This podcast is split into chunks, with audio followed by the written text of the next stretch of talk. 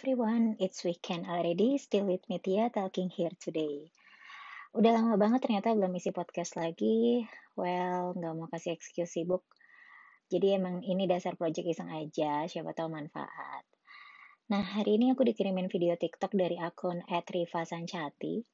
Jadi videonya itu ada ilustrasi tentang salah satu karyawan fresh graduate, sebut saja bernama Joe, dia pekerja keras, tapi seiring waktu jadi pemalas karena merasa kerja kerasnya tuh nggak dihargain. Dan karirnya di situ-situ aja di saat salah satu temannya sudah menjadi supervisor. Singkat cerita nih, Doi pindahlah ke tempat baru, melamar menjadi supervisor. Tapi gagal karena dia track record di kantor sebelumnya tuh cuma ngerjain kerjaan-kerjaan yang mudah. Dan di kantor barunya ini, dia sama tuh kayak di awal, rajin gitu kan, tapi kembali malas karena alasan bosnya suka bermalas-malasan. Dua tahun kemudian, bosnya itu dipecat dan digantikan oleh orang baru yang usianya lebih muda dari Joe. Endingnya nyesel deh si Joe udah buang-buang waktu karena bermalas-malasan. Menanggapi video tersebut, aku jadi ingat pertanyaan Rene Suhardono di buku Your Job is Not Your Career. Ada yang udah pernah baca belum? Nah, di situ tuh banyak nih pertanyaan. Kita tuh sebenarnya kerja buat siapa sih? Gitu. Nah, seringnya mindset kita bilang kalau kita kerja untuk membangun mimpi orang lain. Dalam hal ini stakeholder lah atau owner perusahaan. Pada akhirnya kita selalu punya alasan untuk mengendurkan langkah kita, do extra miles. Bener nggak sih? Dan merasa rugi kalau terlalu loyal sama perusahaan tempat kita bekerja. Padahal kita bekerja untuk diri kita sendiri, tanpa sadar kita membangun diri kita sendiri, membangun mimpi kita sendiri, hanya caranya aja berbeda dengan mereka yang membangun usaha sendiri. Bukankah gaji yang kita dapat adalah salah satu jalan meraih mimpi kita sendiri ya? Kebutuhan hidup kita pun terpenuhi karena gaji yang kita dapatkan. Jadi sebenarnya kita kerja buat siapa? Apakah perusahaan akan rugi kalau punya karyawan yang kerjanya gitu-gitu aja?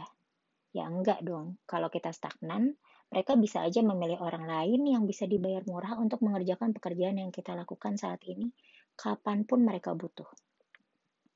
Sedangkan kita sering terlupa, nilai diri kita nggak ditentukan dari sukses atau enggaknya perusahaan tempat kita bekerja.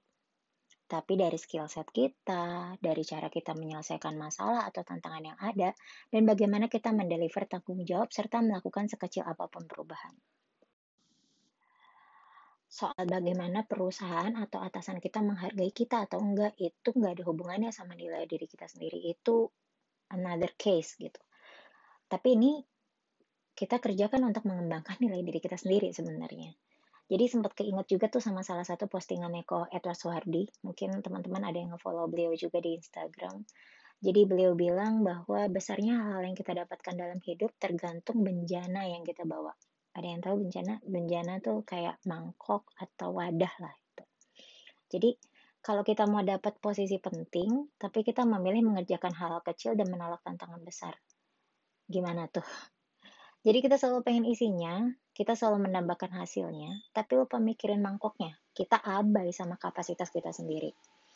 Ya simpelnya kalau kita beli pangsit atau beli bakso terus kita pakai mangkok yang buat kayak cuci tangan gitu seberapa banyak sih bakso atau pangsit yang bisa kita dapatkan? Segitu-gitu aja kan. Nah simpelnya gitu. Jadi gimana kita bisa diandalkan kalau kapasitas kita segitu-gitu aja? Hidup ini tentang menjadi siap bukan hanya soal menunggu kesempatan. Kalau kesempatan itu ada tapi kita nggak siap akhirnya akan lewat gitu aja tanpa pernah kita dapatkan jadi sebelum protes, kapan sih giliran aku terus pakai embel-embel dramatisasi life is not fair? Coba tanya ke diri kita sendiri. Emang kamu udah siap? Emang kamu sudah sebesar itu untuk bisa diandalkan? Uh, George Washington Carver tuh salah satu ilmuwan di bidang pertanian di Amerika Serikat itu pernah bilang bahwa 99% of the failures come from people who have the habit of making excuse.